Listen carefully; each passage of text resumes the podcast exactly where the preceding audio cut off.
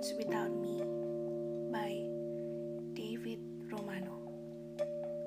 If tomorrow starts without me, and I'm not here to see, if the sun should rise, you find your eyes all filled with tears for me.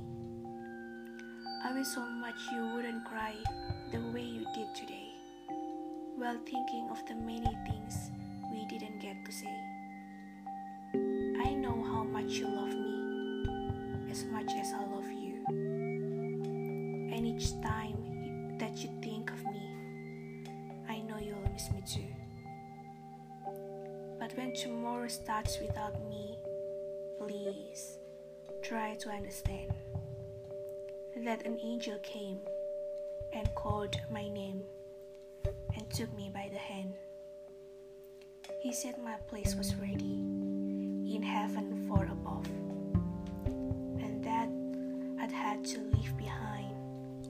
those I dearly loved.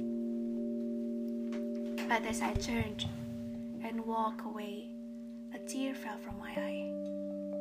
For all my life, I'd always thought I didn't want to die. I had so much to live for, so much left yet to do. It seemed almost impossible that I was leaving you. I thought all of the yesterdays, the good ones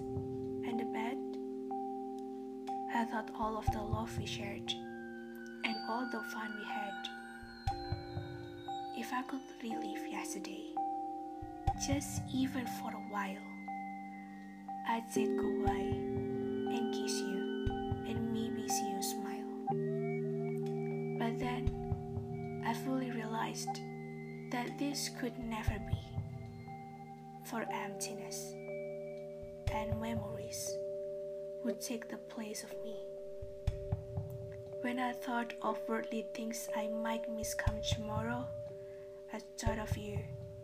And when I did, my heart was filled with sorrow.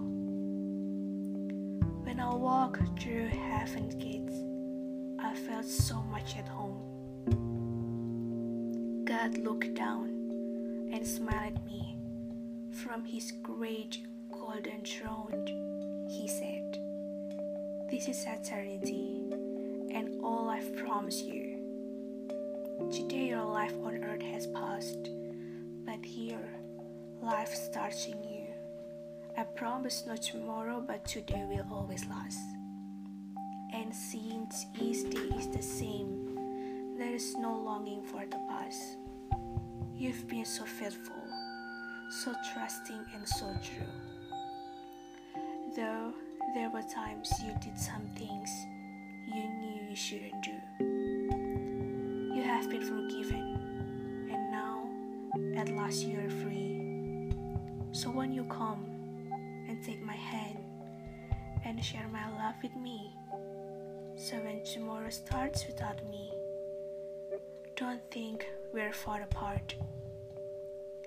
For every time you think of me,